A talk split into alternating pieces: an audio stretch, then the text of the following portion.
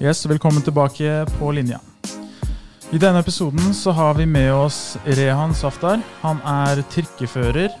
Og relevant for denne podkasten så har han en bachelor, eller du skrev bacheloroppgave. Ja, jeg skrev bacheloroppgave om uh, mangfold i norsk næringsliv. Perfekt. Og så har vi med oss Javad Mushtak. Og så, for å introdusere han karen her, så uh, Jobben var ikke så enkel. Så jeg har noen ting her, da. La oss starte. Han er en energisk og interessant foredragsholder som snakker om temaer som som bør være høyaktuelle i norske virksomheter. Innovasjon, mangfold, inkluderer, inkludering. Javad er en leder, sosial entreprenør og en strateg med erfaring fra fire kontinenter.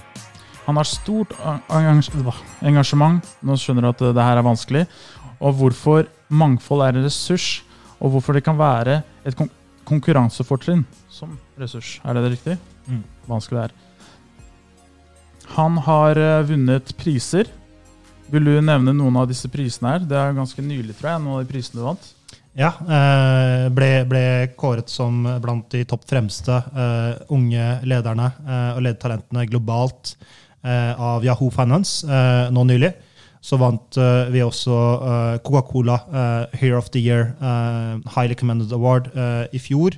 Eh, som også var for mye av det arbeidet vi gjør. Eh, og så har det vært noen andre ting, da. Men vi skal primært ikke snakke om prisene mine.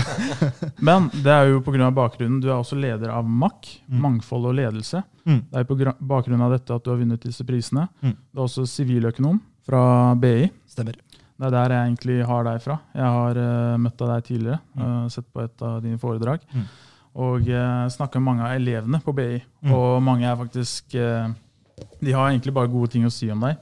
Du har gjort ganske mye for de elevene på BI. Uh, etablert et uh, nøytralt rom, mm. vennerom. Mm. Et rom for tro og tanke for tanke. alle som både er religiøse og ikke-religiøse. Riktig. Det var en av de mm. tingene du mm. gjorde når du var der. Og så var du også toppstudent. Det, det stemmer også. Og BI. Hardt arbeid. Uh, ja. Ble, ble, kåret til, til årets økonomistudent i Norge på tvers av alle skoler, også NH å påpeke det. Så bra. Eh, stemmer dette ryktet at eh, BI tilbød seg å sponse mastergraden din? Det, det, stemmer. Det er noe Da har du gjort det bra. Men eh, bare sånn kort, bare så folk vet hvem du egentlig er. Mm. Litt av din bakgrunn. fordi nå har vi snakket om alle disse tingene du har oppnådd, men du er egentlig bare en vanlig kar. Og du har en bakgrunn som mange av barn av innvandrere har. Mm. Og du starta Det var ikke lett. Fortell oss litt, Hvordan starta det? Hvordan starta Javad sin reise? Altså, uh, må ta et enda et steg lenger tilbake. da. Vi kan snakke om uh, den store immigrasjonen som var, uh, skjedde i Norge. Norge fant oljen i 69, uh, og så kom de første innvandrerne på, på, starten eller begynnelsen av, av 70-tallet. som en stor immigrasjonsbølge. Faren min var en del av det. Han var fra Pakistan og tok reisen gjennom Tyskland, Sverige, før han endte opp i Norge. Um, uh, og uh, forsøkte å finne lykken her. da. Og Han var høyt utdannet, men det var veldig vanskelig for han å få seg noe som er relevant. Uh, så han endte opp med å starte opp for seg selv. så han flyttet fra Oslo til en liten by i øst som heter Halden, hvor jeg er født og oppvokst. Og, um, og startet sine gründervirksomheter der. da. Jeg kommer fra det jeg liker å kalle en, en gjennomsnittlig stor pakistansk familie. Vi er åtte barn.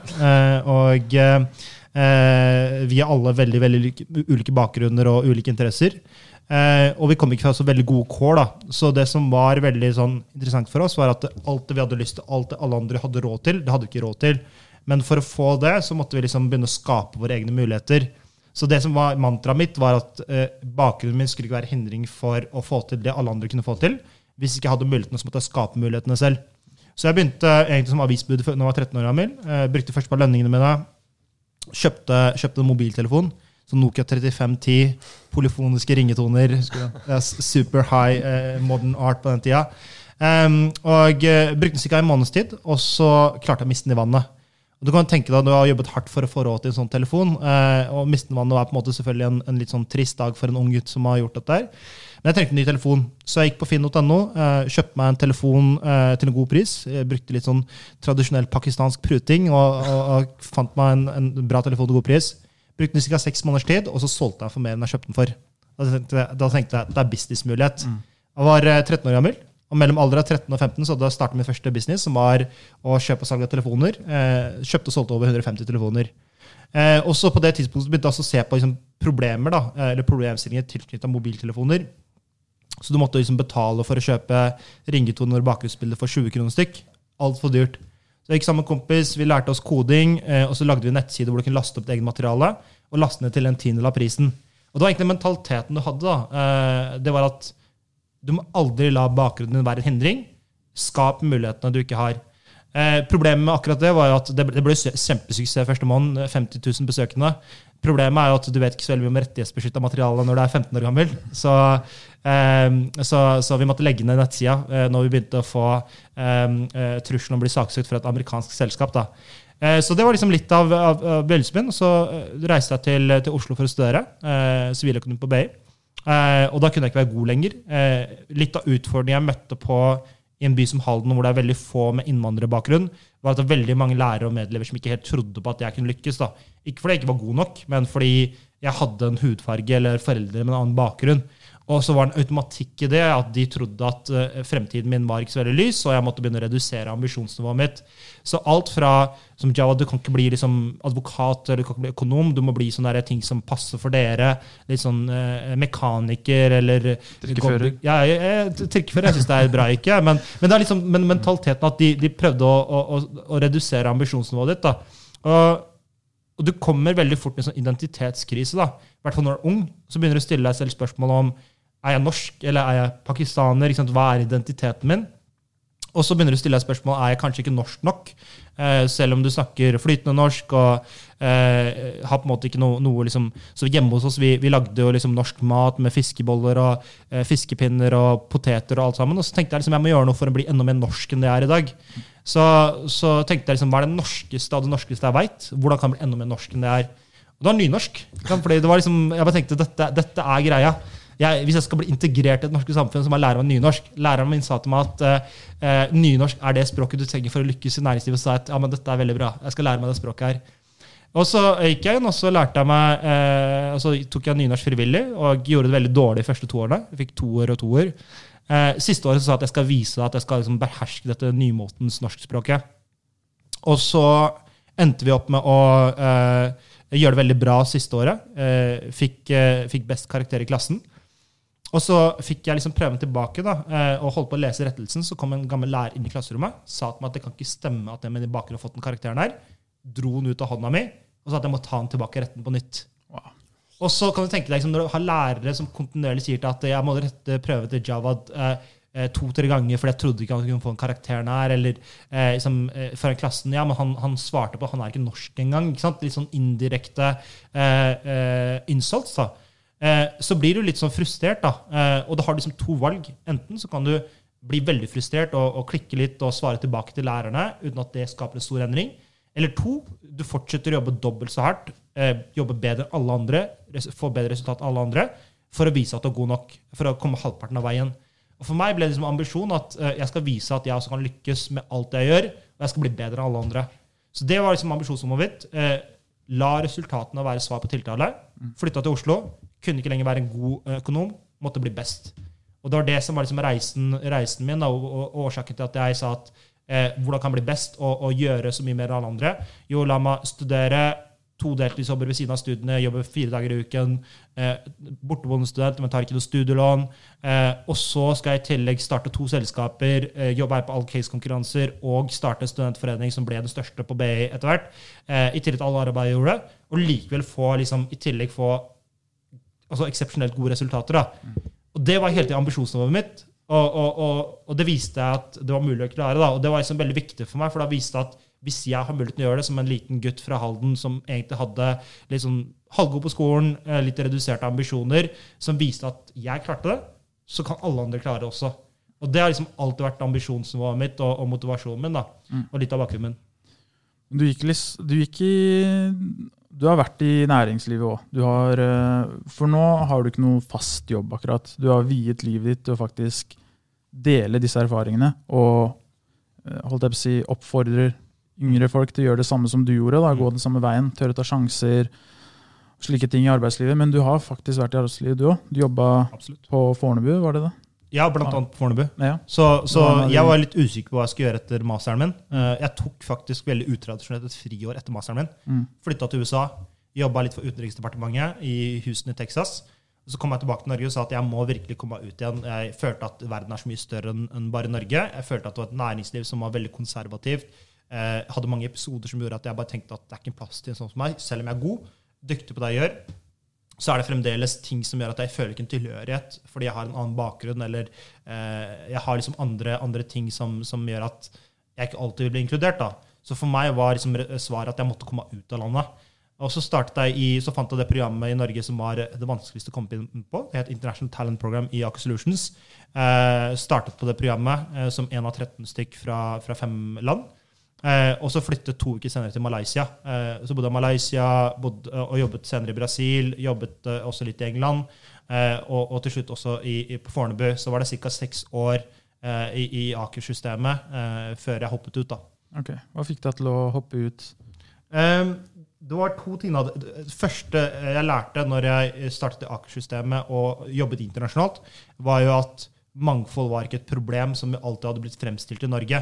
Det at jeg snakket fem språk, eh, forsto flere kulturer når jeg jobbet i Malaysia, gjorde at jeg klarte å forstå lokal kontekst og klare å liksom, få til mye bedre beslutninger enn det topplederne i selskapet kunne få til. For jeg hadde en helt annen troverdighet, i tillegg til å ha en sterk fagkompetanse. Eh, Men, men eh, etter seks år da, så tenkte jeg liksom, det var to ting som, som jeg tenkte på. Det ene var at eh, hvor langt kan jeg komme i et næringsliv i Norge? Eh, kan jeg komme meg helt til toppen uten å stange så hardt og uten å eh, assimilere meg selv? Eh, beholde verdiene mine intakt og, og, og virkelig klare å komme til toppen. Det andre var tror jeg på, på industrien. altså Det skjer veldig veldig mye rundt olje, gass og energi nå. og Det er fornybar skifte osv. Og det tredje var at jeg har alltid vært liksom en gründer at heart. da, At jeg tenker alltid på hvordan kan jeg bygge noe som kan bli stort, som har eierskap til. Og så har jeg alltid tenkt sånn at hvis ikke jeg føler at raskeste veien til toppen er at jeg får plass blant bordet, eh, blant beslutningstakerne, blant eliten, så må jeg bygge et eget bord. Eh, og det kan du ikke gjøre ved å være i selskapet. Så for meg var liksom seks år ganske lenge for det som teknisk sett var det første, første jobb eh, for, som jeg hadde.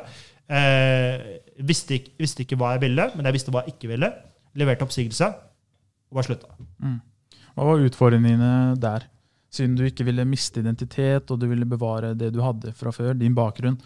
Merket du noe, Hadde du utfordringer når du jobba der? Eh, nei, jeg, jeg, jeg tror ikke det bare gjelder eh, eh, Aker. Aker føler jeg var litt mer internasjonalt, men jeg har ofte vært i næringslivet. Eh, eh, altså jeg, jeg er jo muslim av bakgrunn. Eh, drikker ikke alkohol, f.eks. Eh, jeg husker når jeg skrev masteroppgaven, vant best, pris for beste masteroppgave i, i, av Oslo kommune. Eh, og det var i shipping eh, og, og maritim bransjen. Eh, og så hadde vi da noen dialog og, og samtaler med de som jobbet med det som heter Martin Trainee-programmet. Som er et, et ganske attraktivt trainee-program innenfor bransjen. Og en av de som ledet programmet, sa til oss at veldig bra, vi trenger eh, folk som, som deg, som trenger mangfold i bransjen. Det er en veldig konservativ bransje. Eh, og så sier han, eh, så tenker jeg, men det er bra, da har han anerkjent problemet, ikke sant? Eh, og så trenger jeg talenter. Eh, og så sier han til meg sånn, du, men du drikker ikke, ikke sant? Og så sa jeg, ja, men hva har det med noe å gjøre? Nei, men du vet at i det programmet så skal det være eh, 15 stykk. Du tror ikke du, de 15 andre blir ukomfortable fordi du ikke drikker. Ikke sant? Så hele narrativet hans var ikke sånn at jeg hadde null problem med at andre drikker. Jeg, jeg tenker at folk gjør det de vil, og det er de komfortable med. Men han mente at fordi jeg ikke drakk, så gjorde alle andre ukomfortable. Eh, og det var et veldig dårlig pitch for å, for å få inn talenter inn i bransjen. Jeg valgte det selvfølgelig bort. Eh, og dette er liksom ting jeg har liksom opplevd gang på gang, da, hvor eh, du, du nesten kommer til punkt hvor du sier skal jeg liksom eh, dele eh, liksom bakgrunnen du har, eh, eller skal du eh, nesten skjule det litt, da, fordi du føler at konsekvensen av det blir at du mister muligheter. Eh, og ofte så tror jeg veldig mange velger å liksom skjule en del av identiteten, eller velger å assimilere seg, fordi de kommer til et punkt hvor de tenker at for å klare å komme steget videre, så, så må jeg liksom gi bort på noen av mine identiteter og verdier eh, for å klare få mulighetene. For meg er det ekstremt viktig at du må klare å få eh, likeverdige muligheter uavhengig av bakgrunnen din og hvem du er. Eh, du, det skal være inkluderende eh, miljø hvor du fører en tilhørighet. Eh, og, og, og det tror jeg ikke vi har eh, i like stor grad i Norge i dag ennå. I hvert fall jo høyere opp du kommer i systemene. Nei. Og det er jo noe vi ser nå. Eh, jeg leste masse artikler i går bare for å brife meg litt igjen. Men det er jo vært masse forskning på dette. Eh, blant annet hvor eh, det var en kar eh, Du kan kanskje finne den der. Eh, afrikaner. to mastergrader. Eh, sendt over 200 søknader og fikk ikke jobb. Og så hadde de, på, grunn, på bakgrunn av disse varslingene her, da, og de bekymringsmeldingene her, jeg husker ikke hvilken forskergruppe, som, eh, om det var Oslo Met eller om det var noe større enn det, men de hadde forsket på det her, sendt ut eh, parvise mm. søknader, norske navn, utenlandske navn, og sett at da det var noe sannhet der, 25% tror jeg. Mm. Du hadde 25% mindre sjanse til å bli kalt inn til intervju hvis du hadde utenlandsk navn. Og sånn som du snakker om eh, det med alkohol, eh, den hendelsen der det er liksom, vi mange, mange av oss har opplevd dette. Jeg drikker ikke selv, det gjør ikke du heller, Rehan. Og vi har opplevd på dette at vi, liksom, vi, vi, vi krasjer der. Vi kommer til et punkt hvor du begynner å stille deg selv litt spørsmål her.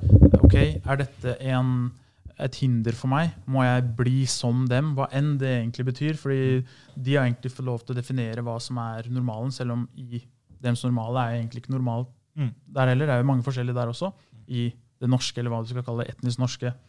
Så der møter du på disse utfordringene. Ok, Skal jeg forandre meg? Skal jeg begynne å drikke? Skal jeg begynne å feste? Skal jeg kaste bort kulturen min? Skal jeg gjøre disse tingene her kun pga. arbeid? Rett og slett, De går egentlig ikke sammen, men du skjønner hvordan folk kan få Du får, liksom, du får et problem i samfunnet, men du får også indre problemer i befolkningen når du må ta disse valgene her kun for å komme deg inn i arbeidslivet. Det er et stort problem.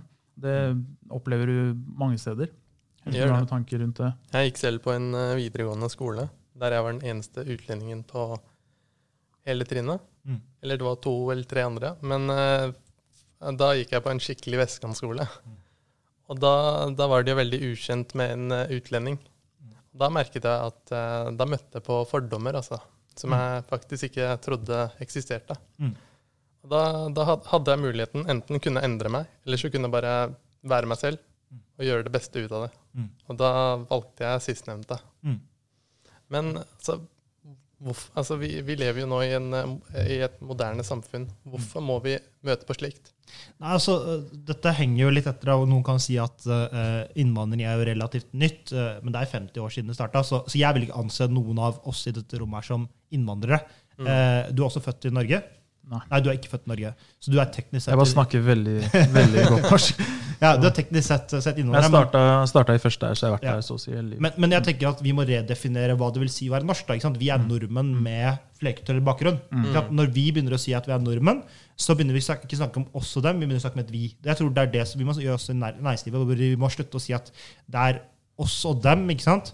Vi er en del av arbeidsstokken og arbeidsstyrken, og arbeidsstokken er mangfoldig. ikke sant? Bare for fem eller ti år siden, hvis du var vegetarianer ikke sant? Du var jo sett på som en, en, en liksom ekstrem kar. ikke sant? Eh, mens nå er det mye større aksept for det. Jeg tror det man må gjøre, og jeg tror mye av det handler om at du må utdanne eh, næringslivet på å forstå hvordan du kan tilrettelegge for å ha arbeidsplasser som er inkluderende, hvor alle føler seg sin tilhørighet. da, ikke sant? Eh, når det kommer til det punktet du snakket om, det med navn. Dette er veldig så kjente studier. Både, både USA har de gjort eh, studier på dette. her, Men i Norge så var det jo eh, Arnfinn Midtbøen som gjorde dette her, eh, fra Oslo Met. Han kjenner jeg jo eh, litt, Det er litt gammelt studie nå, men, men likevel veldig veldig relevant. da, At man ser at har du et, et navn eh, som har en innvandringslignende bakgrunn, så er 25 sa- lavere sannsynlig for å bli kalt inn til intervju. Em, og så har noen prøvd å fikse dette her. Eh, Regjeringen gjorde noen tiltak på dette hvor de sa at vi skulle begynne å anonymisere søknadene. Problemet der er at du løser ikke, ikke som systemproblemet, du løser bare en del av linjen. Du sier at ok, hvis vi eh, anonymiserer søknadene, så kommer du kanskje inn til intervju, men hvis intervjuet er bare sant, tre veldig homogene personer som har den samme bakgrunnen, så kommer du ikke videre fra intervjuet. ikke sant? Ikke sant? Eh, og så tenker jeg at dette er, dette er ikke bare en, en, en ting som eh, Vi kan ikke bare si at det er næringslivet som også må tilpasse seg. Jeg tror denne eh, liksom, ligningen har flere deler. da. Så jeg tror at det har noe om å få folk med flerkulturell eller innvandrerbakgrunn til å forstå hvordan de bedre kan være forberedt til eh, både intervjuprosesser, men også forstå hvordan næringslivet fungerer. Eh, Jeg har selv vært i situasjoner hvor jeg har møtt eh, folk på BI som sa at jeg gikk på et intervju, eh, hadde tyrkisk bakgrunn, og holdt på å kalle eh, han intervjueren sin for bror. Eh, Det er jo kanskje Adrian litt langt. ikke sant? Så, så jeg tror det er noe med etikette som man må lære, men, men når du har gitt dem på en måte alle verktøykassen, mulighetene du har åpnet tilgang til deg, så tror jeg som næringsliv har en stor jobb å gjøre med å forstå hvordan skal vi For de må ikke rekruttere bare mangfoldige folk for å rekruttere mangfold- mangfoldige folk. Dette er jo bra for business. Så de må tenke hvordan kan vi rekruttere beste talentene vi kan få tak i. De beste talentene ser ikke nødvendigvis ut som meg og deg.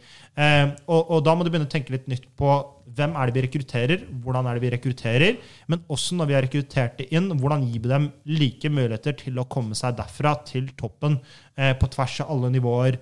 Eh, og, og, og det har begynt å bli en interessant skifte i næringslivet nå, eh, hvor man har begynt å se en eh, endring, eh, hvor man har begynt å anerkjenne at det er et potensial som man må gjøre noe med.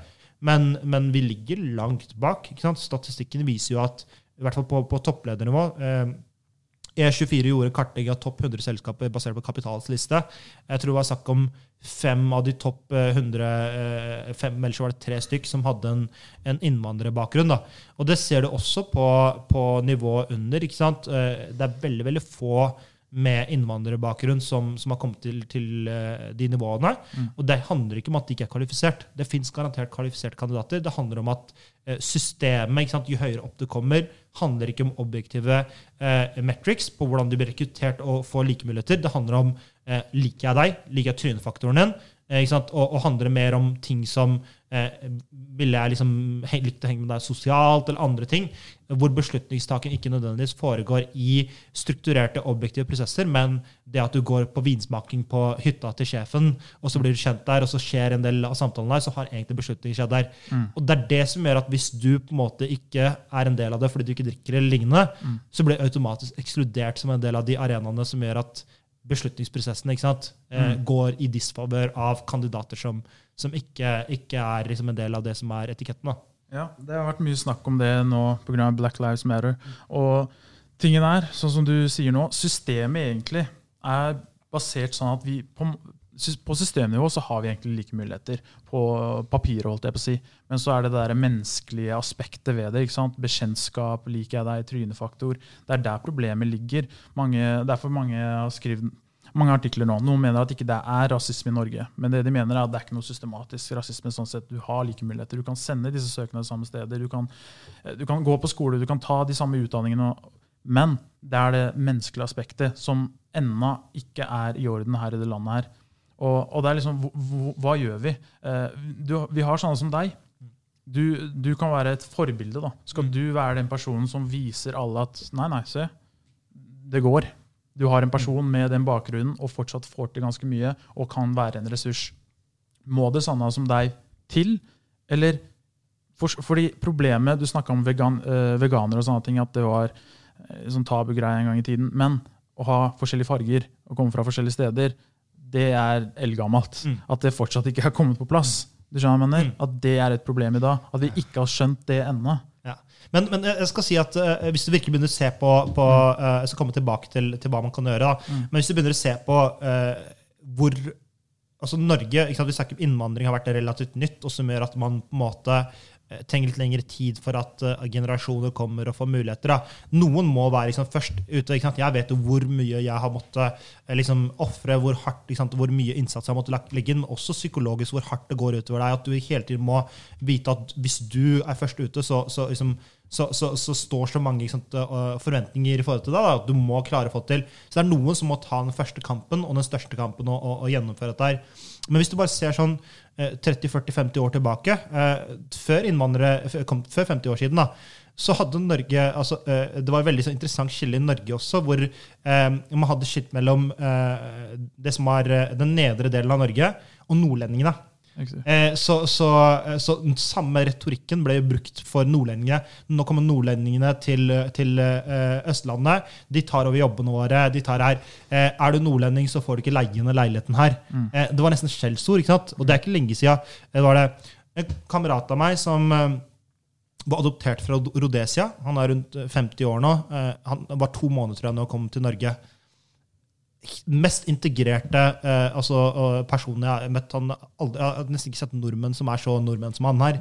Men han, han er mørkhudet, ikke sant? Så, så det er veldig åpenbart han, han, eh, han har liksom en etnisk opphav som er fra et annet sted. Eh, og, og han ble jo eh, norgesmester i bandy. Eh, og hvis du hadde lest overskriften Aftenposten skrev om han, så, så hadde du fått sjokk. ikke sant? Eh, det var altså Patrick er N-ordet, og eh, havnet tre N- eh, NM i innebandy. Wow. Eh, det, var? Aftenposten i midten av 80-tallet. ikke sant? Wow. Og så i teksten så sto det til tross for at han er mørkhudet, så har han prestert og vunnet. ikke sant? Dette er retorikken i, i norske media for, for ikke så altfor lenge siden. ikke sant? Man får jo sjokk. Aldri hørt om det. Nei, nei, det, ja, det, er, det er ganske sinnssykt. da. Så, så, så, så det er jo en, en, en endring som skjer nå, som jeg tror er ganske interessant. Eh, som gjør at eh, ting går veldig sakte, men det har begynt å skje en endring. Og så tenker jeg Black Lives Matter, det som skjedde nå for, for et par måneder tilbake, har virkelig satt fart i dette. her, At man virkelig, virkelig begynner å forstå at dette er en stor utfordring også i et land som Norge. Og så kommer man til hvem er det som kan gjøre noe med dette. da? så har du liksom talentene på side som sier at det er de som har innvandrerbakgrunn, eh, som, som får verktøykassen, og som du kan jobbe med og som kan gi muligheter til. Men, men jeg tror organisasjonene har en veldig viktig rolle i å lage objektive, strukturerte prosesser og rutiner på tvers av organisasjonene som ikke har menneskelig bias. Og bias, altså skjevheter eh, eller eh, ubevisst diskriminering, det skjer hele tiden. ikke sant? Eh, det kan også skje at hvis jeg sitter i en intervjuprosess hvor jeg bare har folk med eh, altså en, en norsk-pakistansk bakgrunn, så vil jeg kanskje foretrekke kandidatene, for personen er mer lik meg. Det er, det er uh, ubevisste liksom, stereotypier jeg har, og alle har dette her. Problemet blir jo at hvis du ikke har strukturerte prosesser, men de som sitter og tar beslutningstaking altså Ubevisste diskrimineringen bidrar til at de ender opp med å diskriminere kandidater som ser annerledes ut enn dem, eller som har andre interesser enn dem. Det skjer i dag. ikke sant? Det er der, det som er problemet, at med en gang du får menneskelig nesten svikt i systemet, eller menneskelig eh, influens i systemet, så vil du alltid ha en risiko for at folk ender opp med å velge eh, eh, det ene som, som er mer likt dem selv, enn enn noe helt annet. da. Så jeg tenker at uh, organisasjonene må være veldig bevisst på at ok, hvis vi skal Først må du vite ikke sant, hvor- hvordan er mangfoldet i vår organisasjon i dag. ikke sant? Du vet ikke hvor du ønsker å gå før du vet uh, hvor du er i dag. Veldig få organisasjoner har kartlagt mangfoldet på tvers av dimensjoner, på tvers av alle nivåer i organisasjonen. Og så må du tenke på ok, nå har vi et problem, la oss begynne å kartlegge og definere hvilke områder liksom, vi har størst utfordringer på. Er det rekruttering, er det promotion, eller er det andre ting? Og så må du begynne å sette liksom, eh, måleparametere og kopier for ledere, mellomledere som sitter i beslutningstaksposisjon, som gjør at de på en objektiv måte både kan øke mangfoldet, men også bidra til at de har strukturerte prosesser som gjør at alle som kommer i en prosess, blir veldig objektivt vurdert og får en objektiv mulighet på like premisser til å komme til toppen. Da. Og så tenker jeg at det må være liksom strategisk forankret. Du kan ikke sitte her fra bunnen i organisasjonen og gjøre dette her. Toppledelsen må ha en forankring. Hvis du har CEO-en til selskap, CEO-en til, eh, til Sporveier som sier at vet du hva, mangfold er så viktig prioritet for oss, det er en av de eh, la oss si, fem hovedstrategiske pilarene i vår organisasjon, eh, la oss sette på agendaen. Da får du en signaleffekt som går på tvers av organisasjonen. Og Det er sånne type ting jeg mener er ekstremt viktig liksom, å, å jobbe med. Altså, jeg tenker at Organisasjoner har en ekstremt viktig rolle eh, på, på å se på ikke bare deler av prosessen, men, men ha strategisk forankring og se på tvers av hele prosessen og hele karriereløpet. Da? Alt fra eh, hvordan du rekrutterer, men også hvordan du kvalifiserer kandidater til å bli rekruttert, til å gi dem tilsvarende muligheter, til å gi dem eh, eh, muligheter til å komme på det nivået de ønsker å komme på, eh, på, på tvers av organisasjonen. Da. Ja, her i Sporveien så har vi jo, er det jo bevisst. Eh, Det skal jo gjenspeile byen også, ikke sant? Ja, befolkningen i Oslo. Riktig. Og Mm. vi har jo 50 nasjonaliteter pluss. Det er det det står skrevet i hvert fall. Ja, stemmer. Det kan se mer ut når du er der ute. Men eh, Så her har du gjort noe. eh, Bevisst, i hvert fall Men systematisk. kan, kan jeg stille et spørsmål på det? Ja. Og det er at uh, Hvor mange av de nasjonalitetene er representert på hvilke nivåer? Og Nå snakker jeg ikke bare om de som er på trikk. Hvis du går, jo høyere du opp du går i, i organisasjonspyramiden, Mm. Hvor stor andel representasjon du har. Fordi Jeg har jobbet med en, en medieorganisasjon. NRK har jo satt en kopi på én av tre av Mm. alle som er rekruttert, skal ha flerkulturell bakgrunn. Men når- én av tre av de er på bunnivå, og jo høyere opp kommer, jo mer homogent er det. ikke sant? Mm. Da har du egentlig ikke en reell mangfoldsstrategi. ikke sant? Mm. Så hvordan er det i Sporveien? Det kan jeg ikke svare på. Det kan jeg bare, Men det hadde vært det kan jeg bare si fra observasjon. Det er ikke mye Nei. nei. representert der oppe. Det er en jobb å gjøre. Jeg har møtt eh, mange av de lederne, Ja. eh, så nei. Mm. det er ikke representert der. Nå er jeg også i eh, fagforening også. Jeg driver med det arbeidet der. Og der bevisst prøver å rekruttere folk. ikke sant? Jeg personlig har en liten sånn Jeg vet ikke om jeg skal ta bilder eller noe, så skal de ha med, ha med, ha med Gabriel. ha med han. ikke sant? Skal vise at vi, skal vise at vi har mangfold her. Ja. Skal vise at vi har noen som Ma mangfoldsmaskott. Akkurat det. Og jeg føler jeg blir det noen ganger. tenker, mm, Hva med arbeidet jeg legger inn? Hva med det jeg faktisk gjør? Det burde være viktigst. Jeg skjønner liksom begge sider. Jeg skjønner dem også, men samtidig, det er liksom der vi er. Og vi er ikke så representert der heller. Mm. Og det er en det er en ulempe. fordi når du kommer til helt sånn basic ting, sånn det grunnleggende dag-til-dag-basis Vi er kanskje representert uh, her i Sporveien. Vi har uh, på, på systemnivå vi har fått mange inn. Uh, alt mulig. Mangfold sånn sett. Men fra dag til dag så opplever vi ikke det. Mm. Da opplever vi forskjell. Det kan være pauserommet, hvor eh, noen har hevet seg over andre. Hvor eh, noen eh, har en følelse av at de nesten eier bedriften. Og det kan være i samtaler hvor eh, jeg vet personlig, hørt mange historier, hvor folk føler seg snakka til nedlatende, folk får stygge bemerkninger. Rett og slett sånn hverdagsrasisme. Det skjer veldig mye. Selvfølgelig. Disse menneskene melder jo ikke ifra. Det er jo litt dumt. For det er mm, kanskje litt av den der gamle mentaliteten. Du er bare glad for å komme til landet her og få deg en jobb. Så du, du senker blikket, og ja, ja, de får snakke sånn der. Gjør din jobb og gå hjem igjen. Ikke sant? Så akkurat der så ser jeg også vi har et problem, selv om vi kan eh, kartlegge, som du sier. Vi, eh, I intervjudelen så er, passer vi på å få folk med innvandrerbakgrunn, eller forskjellig kulturell bakgrunn. Men mellom oss på arbeidsstedet så ser vi ikke til noe av det her i det hele tatt. Og det, Ja. Og det, det er et viktig, da, for Hvis du får uh, mangfold inn i bedriften, så må du også skape ikke sant? Jeg mener at det er tre elementer av mangfold. da, mm. av definisjonen. Du har mangfold, som er tallet. Så I det rommet her så har vi um, to etniske liksom, opphav. eh, Så kan du liksom kartlegge det. da. Og så er det inkludering. ikke sant? Det, det handler om, eh, det er liksom som hvis vi skulle bruke metaforen om at eh, eh, du, du, blir, du blir invitert til en fest. Det er liksom mangfoldsbiten. da. Inkludering det handler om at du gjør tiltak som gjør at du blir inkludert som en del av, av uh, organisasjonen. Det er sånn som du skulle bli bydd opp til dansen. Du er ikke på fest og blir ikke bydd opp til dansen. Du må bli bydd opp til dansen for å være med. Men det du egentlig bør komme til, er jo en, en form for tilhørighet. Du kan være den du er, bakgrunnen din, uansett hvem du er, hvor du kommer fra, om du har etnisk majoritetsbakgrunn eller minoritetsbakgrunn, om du er kvinne eller en mann, så føler du at du føler deg som en, en, en, en del av organisasjonen, og du føler at det er en tilhørighet. Der tror jeg veldig mange sliter, fordi man begynner å rekruttere igjen, og så tenker man at ok, vi vet hvordan vi skal lede der, vi vet hvordan vi skal skape gode miljøer, osv. Og så er det små, subtile ting sant, som man, selv om det ikke, ikke alltid er tilfellet, bør tenke på. da, så og på møte med en stor, stor eh, en av de største norske bankene eh, vi har her. Og så snakket vi om mangfold, og de ville bli bedre på mangfold. Vi har snakket eh, på et møte med de om dette her. Og så er vi ferdig med møtet, og så går vi ut, og så er liksom eh, eh, Så sier de til oss ja, men vi, vi hadde noe mat igjen, har du lyst til å ta noe her? Det, alle de er liksom bagetter med, med skinke på. ikke sant? Og de hadde ikke bare liksom, etter samtalen bare tenkt på at kan du spørre meg er noe av det som vegetarianer eller ikke. ikke sant?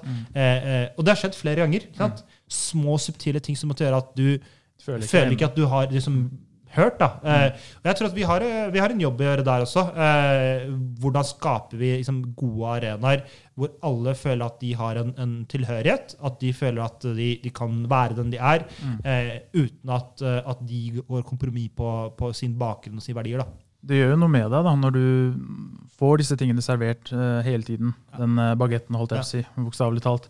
Det gjør noe med deg. Noen trekker seg tilbake. Noen blir helt tause og bare OK, jeg er glad Mm. bare det er her. Men da får du ikke folk som deg. Mm. Eller kanskje får du det. For at noen vil tenke at vet du hva, for at jeg skal bli akseptert, Mm. så må jeg prestere enda bedre. Og det er det kanskje mange som sitter med. ikke sant? For at jeg, og det har vi alle sikkert merka, det kan sitte noen nordmenn der, og så er du kanskje den eneste mørkhuda. Når han gjør noe, hvis du gjør det samme like bra jeg- jeg- vi, vi, vi vet at vi, vi blir ikke lagt merke til på samme måte. Du må nesten et par hakk over for at du skal bli lagt merke til. Så det, for, si, det skaper noe inni alle. da. Enten så kanskje gir du opp. Så blir du aldri, du lever aldri opp til det potensialet du kanskje hadde. Eller så blir du kanskje sånn som deg. Mm. Du tok det som en kamp. Vet du hva? Da skal jeg vise dem at jeg faktisk er best. Og det er den eneste måten du kunne gjøre det på. Mm. Og det, det skaper en sånn psykologisk effekt. Det merker du spesielt Nå er ikke jeg på ditt nivå, nå er jeg litt mer på bakkenivå. Mm. Jeg merker det psykologiske, det gjør du sikkert ja, nå. Det gjør noe med folk. ikke sant? Hvordan folk oppfører seg, hvordan folk snakker. eh, Den respekten de får for seg selv. Mm. eh, Gjemmer seg bak noe hele tiden. Og, da får du, og det gjør at det blir større problem der igjen. Mm. ikke sant? Men, men, men det er et veldig viktig poeng, da, fordi uh, jeg tenker sånn du, du har rett i at jeg følte at jeg måtte jobbe dobbelt så hardt for å komme halvparten så langt. Mm. Du blir kun lagt merke til hvis du er mye bedre enn alle andre. ikke sant? Eh, problemet med det her ligger? Det er ikke alle som klarer dette. her. Dette er jo veldig vanskelig. ikke sant? Og det å prestere på et så høyt nivå over, over lang tid også, det er veldig få som klarer det. Og så begynner du å se på ok, hvor er det problemet eh, kommer inn. da. Og, og hvis du tenker tilbake på når jeg sa at liksom, læreren trodde ikke på meg på, på ungdomsskolen og videregående skole. I Norge i dag så har du 25% frafallsrate på videregående skoler. Der OECD-snittet er 13 Majoriteten av de som faller ut, er unge gutter med minoritetsbakgrunn. Du kan tenke deg selv at Hvis du hører gang på gang at du ikke er god nok, at det ikke er en fremtid for deg, eller at du passer mer som en butikkselger, eller noe, så, så begynner du å tro på det narrativet. Og det gjør noe med deg psykologisk som gjør at du kanskje velger å tro på det og faller ut. Det er dårlig for samfunnet, det er dårlig for personen, og det er dårlig for alle. ikke sant?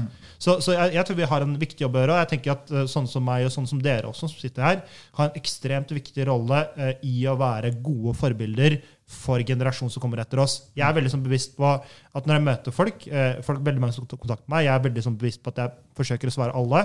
Og så sier jeg til dem at eh, jeg har kun e- e- en, en forventning av dere. at Når jeg prater med dere, så må dere sørge for at dere prater med minst én til i neste generasjon.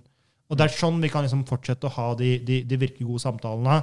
Eh, fortsette å liksom virkelig ha liksom gode mentorer, være gode forbilder som gjør at folk som i dag holder på å falle ut, eller som havner i dårlige miljøer ikke sant, eh, i en tidlig alder, velger å ta en, en bedre vei og en bedre retning som, som skaper en bedre fremtid for dem, men også bedre ressurser for samfunnet. Da. Eh, jeg hadde også et annet poeng. eh, som jeg ønsket å nevne i forhold til det med um, uh, hvordan, hvordan kartlegge det med data. For du snakket litt om uh, Vi man kartlegge liksom data på ulike nivåer i organisasjon for mangfold.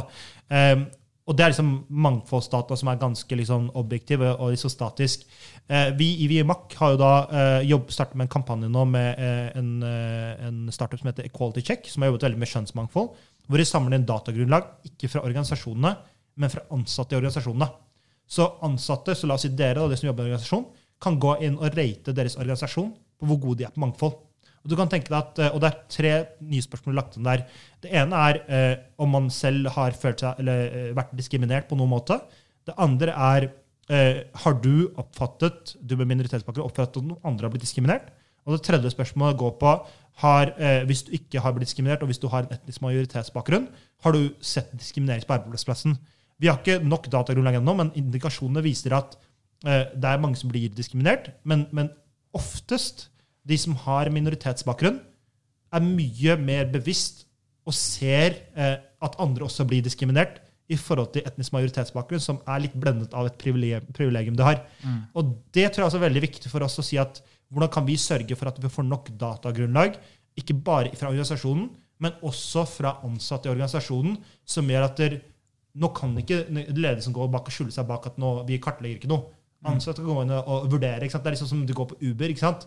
Det er ikke bare sjåfører som vurderer deg, du kan vurdere sjåføren også. Og jeg tenker at Det er det vi må gjøre, at vi må sørge for at vi får god nok data som gjør at eh, organisasjoner i dag begynner å forstå hvor stort problemet egentlig er. Fordi har du ikke data, så er det lett å bare skyve det under teppet og si at nei, men det, Ja. vi vet ikke hvor stort problemet er. Det er sinnssykt bra, for det er faktisk det vi gjør nå. Mm. Det var eh, den ferden vi har starta nå. Ja. Eh, du er først i den serien her, men det er å kartlegge. Men gjennom samtaler. da. Ja. Fordi um, vi må ha en sånn bevisstgjøring. fordi ledelsen for eksempel hos oss vet ikke hva som foregår på gulvet hele tiden. Disse den hverdagsrasismen, disse subtile tingene som du snakker om, det vet ikke de. Det er viktig å få stemmene fram. Og det som er problemet, vi har jo ikke stemmene. Eller vi har stemmene, men de kommer ikke fram. Mm. Og, eh, fordi det bildet de serverer, er noe helt annet. Mm. Ikke sant? De, sånn som du sier, Vi legger merke til ting som majoriteten ikke legger merke til. Mm. Og når de er lederne våre så, så blir det et stort problem. Mm. Så det er sinnssykt bra. Men, én uh, en ting eh, jeg vet, er at selv om bedrifter eh, velger å satse på mangfold, Ja. så er det slik at uh, det er folk internt som uh, viser motstand. Mm. Hvordan eh, kan man jobbe mot det? Fordi det er ikke alle som klarer å håndtere mangfold like bra. Nei, altså eh, Det er synd at det, er folk som, som eh, ser på mangfold som et problem. Jeg, jeg tror at vi må, vi må ha en bred definisjon av hva mangfold er. da, ikke sant? Eh, vi er veldig sånn, I Norge når vi snakket om Vi delte egentlig to begreper. Det ene var likestilling og mangfold. Det er det de sa. Likestilling handlet om kjønn, og mangfold handlet egentlig om etnisk minoritetsbakgrunn. Men det, begge to handlet om dette her i en veldig sånn negativ narrativ. Man snakket om dette som et problem, og så skal man liksom isolere problemet i grupper. Dere med den bakgrunnen, enten det er kvinner eller etnisitet, er et problem. La oss fikse det problemet ved å integrere det inn i næringslivet eller i, i, i samfunnet. da. Vi må flippe liksom, der. Vi må tenke på ok, hva er mangfold. da? Mangfold er mange, mange parametere. At, eh, vi sitter rundt her. E- En av fellestrekkene vi har her, som ikke er et stort mangfold i, i dette rommet, her, er at vi alle tre er menn. ikke sant? Em, og så har vi uh, ulike etniske liksom, opphav. Der er noe mangfold. Uh, men men uh, vi har også alder, som er liksom et? Jeg antar at jeg er kanskje noen år eldre enn dere. Der har vi noe av aldersmangfold. Ting som du er født med. Og så har du ting du kan lære deg. ikke sant? Du, du har gått en akademisk retning. Eh, vet ikke hva du har studert. Samfunnsvitenskap. Samfunnsvitenskap så en helt annen retning. Det er siviløkonom av, av bakgrunn. Og Der har du som akademisk mangfold. ikke sant? Karriereveimangfold, annen type ting. Og Kombinasjonen av disse skaper jo det reelle mangfoldet man ønsker, da, som er kognitiv mangfoldighet. Perspektivene dere bringer fra dere.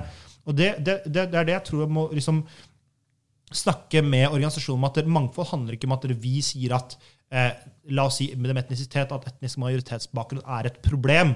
Vi sier at, og vi sier ikke at vi skal, eh, sånn som ofte kvinnekampen har vært, at eh, narrativet var sånn at menn er problemet, dere er liksom the bad guys. Nå skal vi komme og, liksom, og erstatte dere.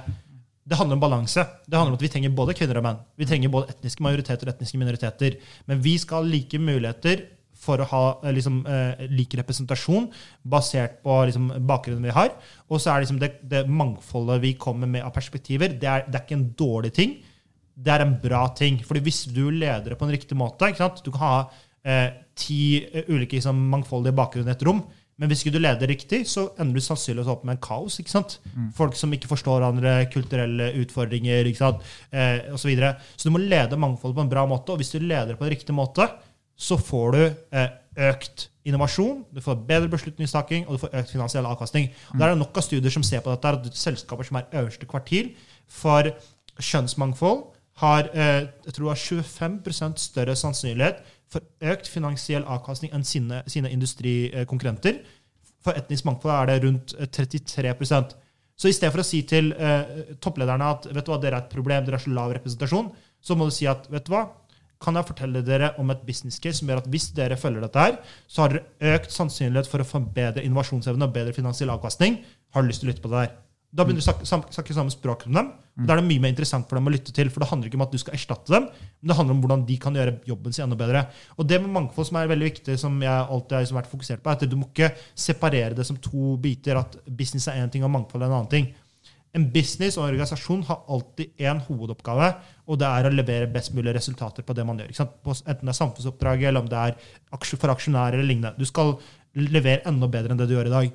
Og så må du si at hvordan kan jeg bli enda bedre på det jeg gjør i dag? Jo, mangfold kan være en viktig katalysator for å bidra til at jeg gjør enda bedre jobb enn det jeg gjør. ikke sant? Sitter vi i et rom, og du har homogene eh, mennesker rundt bord, så vil alle bare nikke på hodet og si at ja, men det er en bra idé. Men hvis du har ulike mennesker, så vil du kunne utfordre og så endre på for mye bedre beslutningsgrunnlag enn du skulle hatt. Og det er det vi må snakke om til, til de lederne. og si at dette er ikke snakk om oss og dere, det er snakk om oss som en organisasjon. Ja. Hvordan kan vi levere enda bedre enn vi gjør? Og hvordan kan vi ha bedre representasjon, men også bedre eh, performance da, i bedriften. Ja, Det er jo kunnskapsutveksling. Mm. Når du snakka om det her, så Jeg driver med kampsport. Jeg har gjort det hele livet mitt. Og så tenkte jeg på én ting eh, som illustrerer litt av det der. Men det var jo eh, en gang i tiden, før YouTube, før alt mulig, så eh, før folk reiste veldig mye, det var vel noen få som gjorde det, men så hadde du noen grener som hadde blitt utvikla i en del av verden over hundrevis av år. Det kan være kung fu i Kina, det er judo i Japan, det var eh, capoeira i Brasil, det var eh, bryting, som en av de eldste sportene i verden. Da. Men eh, du har USA, som har vært ganske godt representert. Russland. Og så fikk du det selskapet da, for litt over 20 år siden, kanskje 20 år siden akkurat, UFC. Mm. Og så skulle vi se hvilken av disse grenene var den beste. Så vi samla dem, eh, og skulle gå kamp mot hverandre. En bokser skulle da gå mot en bryter. En judokar skulle gå mot en lang kung fu. Eh, og så fant du ut til slutt hvem som var best. Og det som har blitt effekten, eller konsekvensen av det, er at etter hvert eh, For det var veldig sånn rigid system før. Du kunne ikke trene i en annens gym. Hvis du holdt på med boksing, så var det nesten en skam å gå til en brytegym. Nei, nei, du skulle holde på med boksing. Du hadde den stoltheten at du var en bokser. Men så kom den der Bruce Lee-filosofien med at eh, vi skal blande alt for å få det som er best. Og i dag så har du MMA, mm. hvor du har eh, yngre folk som ikke har trent én av dem, mm. men har trent alle. Mm. Og på den måten så har det blitt Nå har vi faktisk fått uh, den ultimate sporten. Mm. Ikke sant? Uh, og det kunne vært krigføring for en saks skyld, hvor du lærte av hverandre. Og det kan være selvfølgelig mm. entreprenørskap og alt mm. mulig. Det er den der, når du møter det som er uh, det annerledes, holdt jeg på å si, og annen måte å tenke på, så det gjør noe med deg. Mm. Og den kunnskapsutvekslingen der gjør at du faktisk kommer til noe som er bedre. Men hvis du har det homogent, sånn som du sier, så kommer vi kanskje ikke noe vei. Kanskje hvis vi bare sammenligner med det landet. Men men ja, jeg er helt enig i det, mm. det, du sier. og Det er, det er, det er noe man trekker det beste fra liksom, alle ja. ulike elementer. Men det er også litt som jeg liker å, å, å som sammenligne med som, som, lagsport og fotball. For eksempel, mm. Hvis du har en gruppe med eh, elleve eh, keepere, ikke sant? Mm. Eh, og, og, alle liksom har samme bakgrunn og alle er like gode på akkurat det ene tingen de gjør, mm. eh, og så har du også manager som også sikkert også har keeper, ikke sant? Så, så ender du opp med å få en veldig dårlig sammensetning av team eh, som, som klarer antakeligvis ikke slår slå veldig mange lag. Da. Men hele poenget er at du sant, kapitaliserer på å hente mennesker som har ulike bakgrunner, mm. ulike sant, kompetanse, har gode skillset på ulike ting. Og så har du liksom en manager eller en, en CEO da, mm. som er virkelig god på å lede det laget til å, å få virke synergiene ut av dette. her. Mm. Jeg tenker at Det er litt sånn man må tenke her også, at man har mennesker som har ulik bakgrunn, som har ulik skillset. Og, og, det er ikke alltid er komfortabelt. Man husker på at eh, man tenker alltid på at mangfold automatisk skal skape en avkastning. Eh, gjør man det riktig, så gjør det det. Gjør man det feil, så er det jo nesten en, en motsatt effekt. ikke sant? Det er ikke alltid er, eh, komfortabelt å være i en situasjon hvor du er utfordra så kraftig sant, av en annen som sitter med helt annet perspektiv. Det er veldig ukomfortabelt. Og i norsk kultur så er vi veldig sånn superkonservative. Vi liker ikke konflikt. Mm. Vi, liker, vi, unngår konflikt. ikke sant? Mm. Så, så, så, men jeg mener at konflikt trenger ikke nødvendigvis å være noe som er en dårlig ting. En konstruktiv konflikt er bare en, en argumentasjonsrekke hvor du ender opp liksom, med å litt ukomfortabelt, men komme fram til enda bedre sant, beslutning. eller enda bedre grunnlag. ikke sant? Så, så, lenge du setter bort egoet litt? Ja. setter bort ego, ikke sant? Så, så, så, jeg tenker at vi må bli litt ukomfortable for å virkelig liksom, gå ut i det som er ukjente. Mm. Eh, og hvis du gjør det på riktig måte, så tenker jeg liksom, avkastning av alt det her kan være mye mye større enn det man, eh, man har uh, hatt nå. Ikke sant? Fordi mangfold i seg selv skaper, eh, skaper ikke bedre prestasjoner. Mm. Det er å lede mangfold. Mm. Og vi kom frem til at mange bedrifter velger å satse på mangfold bare for å utgjøre en, uh, samf et, uh, samfunns, en samfunnsoppgave. Mm. Men de, de, ser virkelig ikke verdien av mangfold. Mm. Det er mange som bare gjør det for sånn symbolsk effekt. Ja, eh, ja du, du, har helt rett i det. Mm. Eh, jeg tror i hvert fall det har vært eh, trenden til nå, eh, hvor eh, mangfold ble liksom en, en, en, hype. Og så skulle man gjøre noe, og så satte man det opp som et CSR-budsjett. Og det handler litt om, jeg, jeg tenker at Hvis vi tenker på en mangfoldsmodenhetskurve, da, så er Norge liksom veldig veldig tidlig fase av dette. her, Og det første du gjør, er at du gjør symbolikkeffekter. Eh, litt sånn som at eh, du putter det litt i en rapport, eh, du kan kanskje noen tall, og så begynner du å putte liksom, de, de der mangfoldsmaskotene ikke sant, eh, til venstre, og så har du litt sånn dårlig håndtering av det, hvor du går ut og sier at ja, nå skal vi rekruttere mangfold, og så begynner du å legge setning i, i annonsen og si at folk med minoritetsbakgrunn oppfordres til å søke. Jeg mener at det har motsatt effekt. da, ikke sant? At du, du nesten eh, få bort de beste talentene. For jeg vil ikke bli rekruttert fordi jeg har mangfoldig bakgrunn. Jeg vil bli mm. rekruttert fordi jeg er best i det jeg gjør. Og så har jeg ekstra asset fordi jeg har mangfoldig bakgrunn. ikke sant? Um, så, så, så, det er liksom ene biten. Og så tenker jeg at uh, Black Lives Matter har jo på en måte avslørt mange bedrifter ganske mye nå. og Mange har begynt å uh, få litt sånn derre Ok, hva skal vi gjøre nå for å virkelig komme, komme videre? Og så har veldig mange organisasjoner startet med å, å ansette en mangfoldsgruppe eller en mangfoldssjef. da, ikke sant? Og det er også litt sånn dårlig approach. Uh, I hvert fall det er sånn der en, en lite mature approach. da. Fordi det du gjør, at du separerer det som en separat gruppe eller separat greie, som ikke er integrert i virksomheten din, og så prøver du å fikse problemet.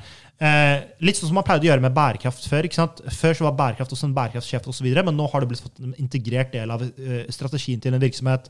Um, digitalisering var akkurat det samme. ikke sant? Der man ønsker å komme. Eh, Jeg var, på, jeg var i Silicon Valley nå i februar, og så møtte jeg mange av de toppselskapene som eh, tech-selskapene eh, i verden. Vi møtte hun som er Chief Diversity Officer i Google, og hun sa sant, legg bort den der side-approachen. Ha en embedded approach som handler om at der mangfold må være en integrert del av alle elementer i din virksomhet og strategi.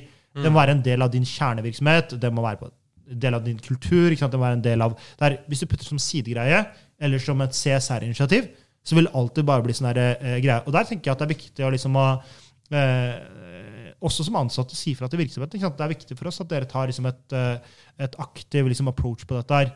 Under, under Black Lives Matter jeg prøvde å telle hvor mange selskaper i Norge som tok et aktiv approach. I USA var det mange som gjorde det. ikke sant? I Norge kan ikke telle på en hånd engang hvor mange som aktivt gikk ut og gjorde noe i lys av det, eller tok et standpunkt. Mens i andre sant, eh, kampanjer så er jo man superraskt ut. ikke sant? Man, man eh, kommenterer på alt. eh, eh, Man, man tar aktive liksom, kampanjer rundt dette. her, Man er, har organisasjonen med på dette. her. Black Lives Matter skjedde ikke. Og det, det er også liksom to elementer ved. Det ene er at det er, det er vanskelig å snakke om det. Eh, eh, fordi det er så, det er, det er så sensitiv liksom, eh, diskusjon å snakke om rase i Norge. Eh, på den annen side så tror jeg veldig mange eh, rett og slett ikke, ikke, ikke empatiserer eller forstår det. Eh, mange toppledere har ikke de, de, Man sitter jo med et privilegium selv. ikke sant? Eh, vi hadde et eh, konsulentselskap som, som kontaktet oss og spurte om hvordan skal vi håndtere dette. Fordi noen ansatte hadde spurt dem eh, som hadde bakgrunn at vi ønsker at dere skal ta en aktiv approach til Black Lives Matter. Topplederen sa at ja, men jeg forstår ikke hvorfor det er viktig. Jeg assosierer meg Når du er en, liksom, en etnisk norsk hvit mann i 50, veldig privilegert bakgrunn, så forstår du kanskje ikke hvorfor det er viktig. Men selv om du ikke forstår det, så er det viktig for, for topplederne og for organisasjonslederne å forstå hvorfor det er viktig for ansatte. I en organisasjon som Sporveien da, så tenker jeg at det er sikkert mange som var veldig engasjert i tematikken. Og da er det veldig viktig også for toppledelsen i organisasjonen, selv om de ikke selv eh, på en måte identifiserer seg med det, at de tar et aktivt initiativ og viser at er, vi, vi støtter at, uh, våre ansatte på dette. Da. Så vi har, en, vi har en vei å gå i Norge. Eh, jeg håper at, eh, at ting, ting pusher seg litt og, og går litt raskere enn før fordi vi har hatt eh, Black Lives Matter. Eh, men jeg er også litt, eh, litt redd for at vi, vi har hatt en hypebølge. Alle de som eh, det er veldig morsomt å se? Alle, alle de folka jeg kjenner som tok det der svarte bildet Black Tuesday osv. Og, så videre, og de har ikke en eneste innvandrerbakgrunn med den. ikke sant? Ikke sant? Så det, det blir liksom paradoksalt at man, alle skal gjøre det, så gjør jeg det også. Men hva har du egentlig gjort konkret for å gjøre noe der? Har du hatt samtalene hjemme? Har du samtalene i vennekretsen din? Har du gjort noe selv for å se om du har eh, liksom mennesker rundt deg som har en annen bakgrunn enn du selv har? Det er der det, det starter. Det er der det Det er, starter. på det, det er hjemme. Det er med naboen din. Det er på Absolutt. jobb. Det er der det starter. Det er der det Men det er der vi ikke gjør. Vi forventer at de skal ordne alt ovenfra. Men eh, det ser ikke ut til å fungere i det hele tatt. I hvert fall i min erfaring i arbeidslivet. Mm. Mangfold er jo, det er jo en fordel, men det har jo noen eh, motsatte eh, sider òg. Mm. er det noen negative sider ved mangfold? Ja, ja det, det er det definitivt. Jeg tenker at hele den derre eh, kulturkollisjonen, eller kollisjonen av eh, mangfoldige perspektiver, kan også skape liksom, konfliktfylt atmosfæriske ledelse riktig. Eh, så så eh, McKinsey, som gjorde den undersøkelsen som viste økt eh, grad av etnisk og kjønnsmangfold, som skapte økt grad av finansiell avkastning, eh, så også på det som de kalte for en diversity punishment. Selskaper som var dårlige på mangfold, eh, hadde faktisk lavere altså de, de, de, de, hadde høyere sannsynlighet for å tjene mindre penger enn konkurrenter. Så det er nesten en straff for å være dårlig på mangfold. I forhold til konkurrenter. Så det er veldig interessant å se at det er forskning på det også nå. Eh, og så tenker jeg at det er veldig viktig å forstå at det er ikke en komfortabel setting å lede mangfold. Det er mennesker som, som kanskje utfordrer deg og din, din, din, sant, dine verdier, din identitet, men også din tankesett på måter som du kanskje ikke ble utfordra på før, som gjør at det blir ekstremt ukomfortabelt. Um, jeg husker det var um, var et eksempel fra, det eh, fra Harvard eller fra INSEAD MBA, hvor eh, de gjorde et eh, case på etikk eh, i, i land, land. Det var et case som var basert på det skulle se liksom, hvilke etiske retningslinjer de har. Og da hadde folk fra la oss si, indisk bakgrunn, brasiliansk bakgrunn og, og la oss si vesteuropeisk bakgrunn. da. Og du kan jo tenke deg liksom eh, hvor, Etikk i de ulike lands kontekster er jo veldig veldig ulikt. ikke sant? Ja. Så hvordan en person oppfatter en etisk situasjon i et land med opphav i, i Brasil, eh, kan være noe helt annet enn det man gjør i Norge. Og det gjør det veldig ukomfortabelt. ikke sant? La oss si du tar et metoo-eksempel. Et, et, eh, et eksempel som helt åpenbart hadde vært eh, eh, assosiert med metoo i Norge. Det er ikke sikkert det eksempelet ville vært assosiert med metoo i Brasil. Og hvis du har to mennesker i et rom som sitter og snakker om dette her, og du støtter altså det, det å si at det er metoo, og personen sier at nei, men det er ikke det, fordi de har bakgrunn, dette er et veldig ekstremt eksempel, da, eh, så har du liksom en, en veldig ukomfortabel samtale. Men da er det veldig viktig å forstå hvor personen kommer fra, ha den ukomfortable samtale, og komme på samme punkt og si at ok, dette er liksom det som er, er, er konteksten her, og dette er det som er liksom eh, akseptert eller ikke akseptert. da. Så jeg tror det med mangfold og mangfoldige perspektiver, da, eh, det er ikke alltid det er komfortabelt. Um, eh, det, er ikke, det er ikke alltid det er komfortabelt å vite at eh, eh, du har en person eh, eh, som, som la oss si med, med hindubakgrunn som ikke spiser eh, kjøtt. ikke sant? Du har kanskje med muslimsk bakgrunn som istedenfor å ta liksom, en røykepause må bruke ti minutter for å be. ikke sant? Superkomfortabelt hvis du er en ekstremt sekulær person og ikke tror på religion. i det hele tatt. Men det er der vi må være så åpne for at en annen person kan ha andre perspektiver og meninger enn deg. Og vi må åpne for at selv om du selv ikke er enig, så må du likevel inkludere det miljøet som at alle føler at de har en tilhørighet. da. Og det er viktig. Det er litt personlig ansvar her òg, da. Vi holdt jeg på å si, man må, man må tørre å være seg selv, som du sier, som vi har snakka om eh, fra begynnelsen av. Man må tørre å være seg selv, og man må, man må jobbe hardt. Og når det gjelder Du snakka om det ukomfortabelt med å be, eller for en eller annen hindukar som ikke eh, spiser kjøtt eller noe. Mm. Men du er en av dem eh, på BI. Det, dere hadde ikke sted å be. Og du var da den personen som starta hele bevegelsen med at da trenger vi et rom. Og det er liksom den type mentalitet man trenger, at man faktisk man finner sin plass, da, uansett hvor det er. Og det er en måte å vise mangfold på. Det er en måte å vise aksept på. Nummer én, at dere står frem og faktisk vil ha dette. Viser at det er mange som ønsker det, og at selvfølgelig at skolen gikk etter på dette. Det er en del av hele den symbolikken, og det er det man prøver å oppnå. Da. Men jeg føler at vi har ikke så mange av disse typene Nei. i arbeidslivet. Eller som sagt, jeg er bare glad for å være innafor Mm. og føler nesten løpet er imot dem uansett. Jeg, det er ikke ment for å vinne uansett. Det er bare kom inn der, tjen dine penger, og så that's it. Det er ikke med å faktisk skape en bevisstgjøring eh, eh, om dette i verden, i sitt nabolag. Hilser ikke på naboen din, for du er redd for kanskje han har noen fordommer mot deg, så da gidder ikke du heller å gå til han.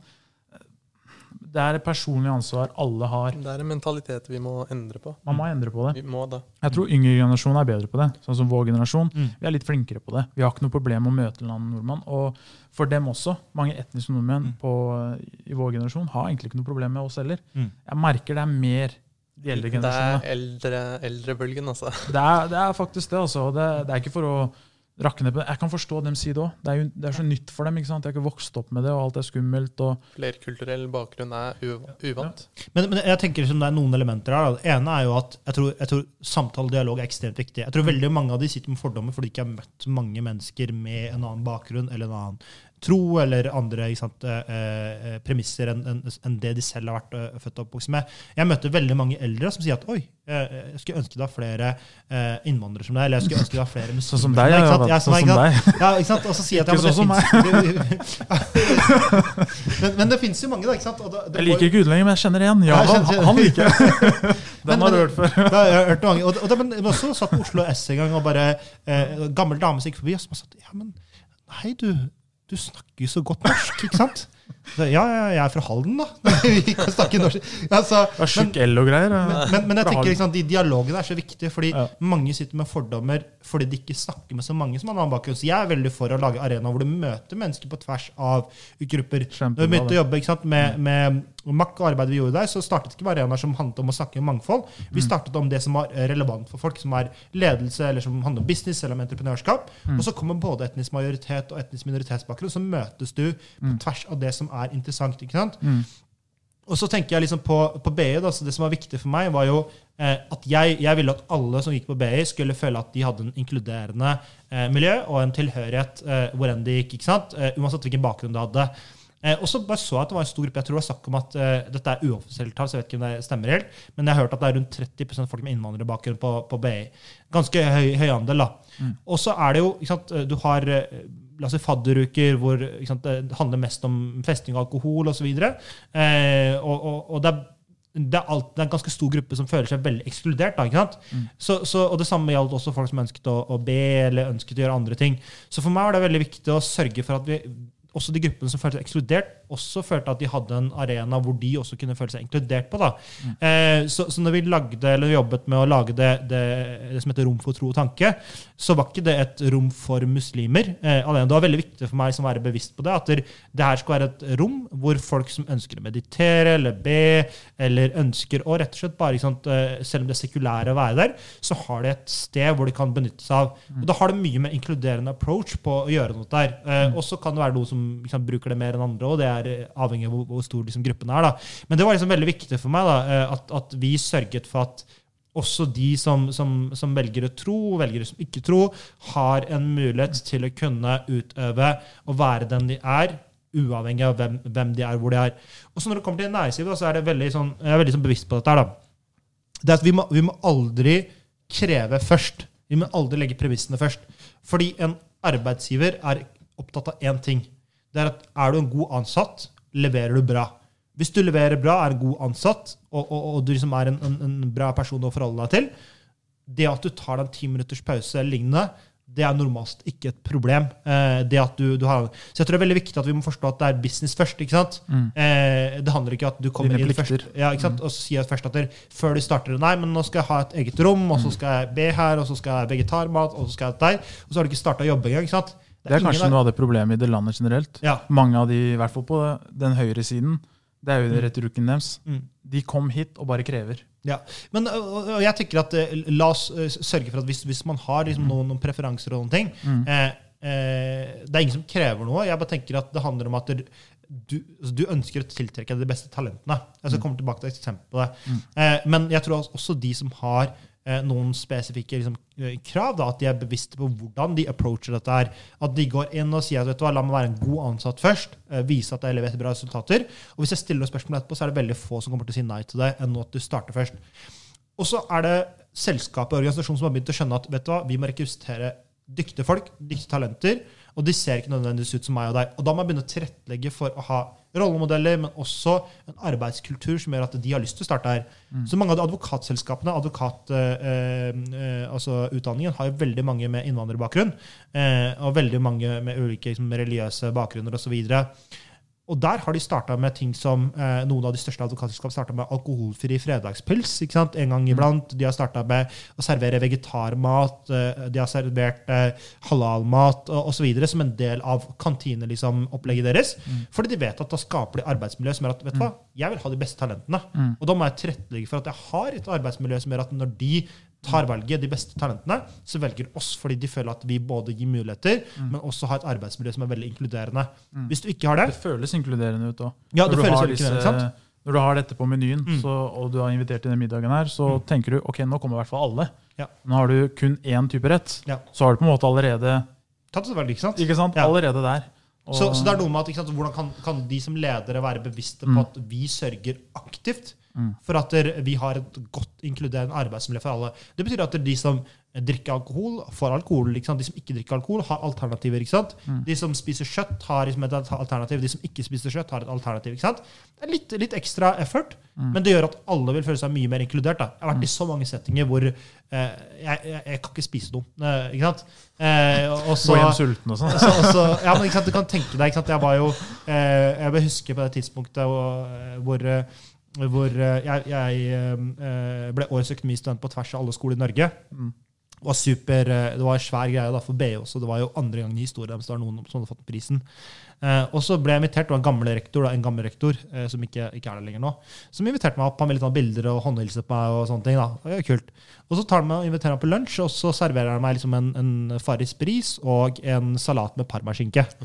Eh, og så tenker jeg liksom, jeg tenker sånn, det, det, jeg burde kanskje gjort en bitte liten effort med å sjekke ut først, og så spør han meg hvorfor jeg ikke spiser, da, og så bare sa at jeg ikke var sulten. Eh, men dette har jo skjedd flere ganger, ikke sant? og da tenker jeg at eh, vi må bli flinkere med å skjønne at eh, eh, vi, vi lever i en verden hvor alle ikke nødvendigvis tenker eh, likt, spiser likt, eh, men at vi, vi sørger for å ta liksom, eh, stille ekstra spørsmål som gjør at ok, har du noen kriterier eller krav som gjør at eh, jeg kan sørge for at jeg får en, en tilrettelagt mye bedre, eh, bedre miljø for deg også. Eh, vi har begynt å komme litt, litt eh, nei, videre på det. Eh, godt hjulpet av liksom både eh, bærekraftsbølgen med eh, vegetarisme og eh, veganisme, som gjør at eh, du alltid har et kjøttfritt alternativ for de som ikke spiser kjøtt, eller som er pesketarianere, at du i hvert fall har noe. Eh, men, men, men jeg føler fremdeles at du har et næringsliv og organisasjonsliv som må jobbe litt mer aktivt med å forstå hvordan de kan lage enda bedre inkluderende arenaer for folk som har en annen bakgrunn, og for alle bakgrunner. Og Det må aldri være sånn at vi skiller mellom det ene og andre. Jeg tror at du må sørge for at du, istedenfor å si at du har en separat eh, eh, kveld for folk med en annen bakgrunn og en for eh, eh, de majoriteten, så må vi sørge for hvordan kan vi sørge for at det kanskje en av eh, de, de kveldene vi har, blir noe som er inkluderende for alle sammen. Mm. Jeg var på en, en uh, ledetalentkonferanse. Kronprinsen har ledetalentkonferanse som heter Sikt. Mm. Uh, hvor han inviterer rundt 150-200 av Norges fremste ledetalenter mellom 20 og 40. Og det han gjorde på en av de, de siste jeg var på, da hadde han to dager med middag vi hadde servert. ene dagen så startet han med å si at det, serveres ingen alkohol den dagen. For alle. Også de som drikker. Mm. Andre dag, dag så serverte han alkohol, og så kunne du velge bort alkohol. ikke sant? Mm. Så han tok et aktivt valg Mm. På å si at nå sørger jeg ikke for at jeg skiller mellom det ene og andre. Jeg sørger for at alle får akkurat samme liksom, eh, opplevelsen. Og det er et ganske sånn bold statement. Jeg føler at eh, Det er også ting eh, eh, ledere må tenke på. at Ikke skill mellom grupper, for da skaper du automatisk splittelsene. Sørg for at du har en inkluderende sant, eh, arena hvor alle kan være med. sant? At I stedet for å bare ta fredagspilser hver, hver fredag, kanskje en av de fredagspilsene kan byttes ut med noe, noe som er helt annet, som gjør at i stedet for å drikke fredagspils, at du, du, du går og, og gjør noe hvor alle, alle kan være med. da, ikke sant? 100% Men da må vi snakke med hverandre, som du Ja. sa innledningsvis. Vi må snakke med hverandre. Det er dialogen. Mm. Og da er det faktisk litt morsomt. Eh, Du, eh, når du snakker om å snakke med folk og utveksle kunnskap og sånn Jeg så jo eh, Gunhild Stordalen fasta i ramadan. Og gjett hvem som satt ved siden av henne. Det var deg, det. Det, det stemmer, det. Hvordan i all verden fikk hun henne til å faste? Du, eh, jeg har stor respekt for folk som, som ikke, ikke, ikke har den bakgrunnen du har, eller ikke har den troen du har, men som er åpne for å lytte. Jeg tror veldig mye av det går på dialog. ikke sant? Veldig mange har veldig mange fordommer mot veldig mye. Det kan være religion, det kan være liksom etnisitet osv. Uten å faktisk vite til det, eller kjente det. Eh, jeg kjenner Gunhild ganske godt. Eh, hun, hun er en veldig veldig åpen person på, på veldig mange områder. Når de starta Eat Foundation, så startet de aldri med å rekruttere bare homogene folk. Hun rekrutterte nesten bare internasjonalt. For du visste at vi skal bli så internasjonalt globale at vi må rekruttere mangfold fra dag én. Hun sa at det har ikke vært en tanke engang, jeg bare gjorde det fordi det var det som var riktig å gjøre. Og så uh, sa jeg til henne, ikke sant, fordi hun, hun ser at vi, vi faster og sånn. Eh, og så sa jeg til henne ja, men det hadde vært kult, uh, jeg vet ikke, men det, kanskje du kan bli med og faste en dag, da, bare for å se liksom, opplevelsen. Fordi jeg tror at effekten, det at jeg sier at jeg som faster som muslim, sier til folket at eh, det å faste er, betyr dette her, dette her, det har ikke en like sterk effekt som en som ikke er troende, som er utenfor for personen som tester ut, og så snakker også om helsegevinsten liksom, ved å faste. da. Så, så hun, hun tok jo uh, utføringen på strak arm. Hun sa at bare fortell meg hvilken dag, og sånne ting, og vi, vi åpner fasten sammen. Og, og, og vi snakker bare uh, og, for, og, og, og så gjorde vi, og så åpna vi fasten sammen, og det var en, en veldig veldig bra opplevelse. Jeg tror Hun, hun sa at dette er jo sånn super, super bra. Hun følte seg veldig bra i etterkant. Eh, og, og det var en ganske interessant opplevelse. Og, og det, kommer, det er et viktig poeng her. da. Jeg tror at Når det gjelder mangfoldsarbeid, så er det veldig viktig å ha allierte eh, som, som snakker saken, eller som viser at det er en bra ting. Jeg tror liksom, når hun posta det bildet Mm. og, om ramadan og snakket om dette her, så ga det en effekt både blant de som ikke, hadde ikke-muslimsk bakgrunn eller sekulær bakgrunn, men også blant muslimer, som viser at dette er noe som faktisk er interessert i å lære. Vite liksom hva konsekvensene av dette er, mm. og, og faktisk eh, er veldig åpen, eh, uten å være liksom, fordomsfull og, og, og dømmende på dette. her. Og jeg tror flere må være litt sånn her, for jeg tror at hvis, hvis folk snakker med folk som har en annen bakgrunn eller annen liksom, religiøs tro, eller lignende, så tror jeg du kommer til å lære vanvittig mye. Mm. Det betyr ikke at du er enig med dem, men det betyr at du får helt annen forståelse for det. Så, så Det var veldig fine ting du gjorde. i hvert fall. Ja. Det bryter barrierer. ikke sant? Absolutt. Det gjør at nå kan kanskje noen andre invitere flere. ikke sant? Mm. Du viser at det faktisk er mulig. Ja. Og den, den gjensidige respekten dere hadde for hverandre, Mm. var faktisk ganske vakkert, vakkert å se. Mm. må jeg si. Og, og det tenker jeg det kan være en utfordring som er en fin, fin ting å gjøre på eh, arbeidsplassen også, for det er ikke Mm. alle som forstår eh, hvordan det er. Du kan si at du trenger ikke tro, men kanskje du kan bli med og eh, først ta faste en dag, Mm. eh, bare for å få liksom, opplevelse på hvordan vi føler det er. Mm. Eh, og, og jeg oppfordrer flere venner til å gjøre det. Det er Mm. flere som har gjort det også. Jeg tenker at det er bare en, en fin og inkluderende måte å, å, å liksom gjøre oss som gjør at folk får en bedre forståelse for dette. her. Det er ikke Mm. alle som forstår dette. her. Det eneste de kommer ikke sant, når du hører meg, og du faster 18 eller 20 timer, ja, hvordan klarer du å overleve? liksom? Eh, Mm. ikke drikker du ikke vann Ja. engang? ikke sant? Eller, Jeg hørte på jobben det var livsfarlig òg. Herregud, det her må vi melde fra. Kan ikke dere kjøre trikk når du faster? Det er jo livsfarlig for passasjerene. Det er sånn, Nei, jeg tror ikke det. altså. nei, og, og folk forstår ikke at det er ganske ikke sant, eh, Du tåler mer enn eh, Du tåler mer, ikke sant? Og, og det er veldig, islam er veldig fleksibel. ikke sant?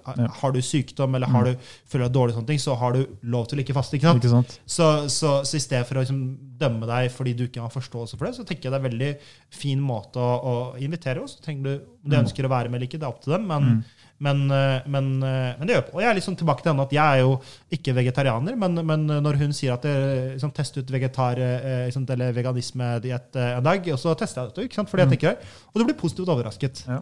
Så jeg tenker at vi har en del ting å lære og, og en del ting å gi til hverandre og ha en åpen dialog. Da. Jeg tenker at Sånne sånn som Gunhild er jo eh, fantastiske liksom, eh, allies når Mm. det kommer til å, å, å forstå og, og vise liksom, en, en eh, åpenhet som jeg tror vi trenger for å virkelig skape det inkluderende samfunnet vi trenger i Norge. Da. Mm. Rehan, har Nei, du noe eh, mer til eh, Javad? Nei, jeg tenker jo at eh, det vi har gått gjennom, er jo veldig bra. Men eh, apropos islam og alt dette vi har jo, eh, Det fins jo noen eh, mennesker som skiller seg ut, Mm. som eh, kommer med hatefulle ytringer, Mm. og som forsvarer seg selv med at det er ytringsfrihet. Mm. Hvor langt kan man strekke seg med ytringsfrihet, tenker du?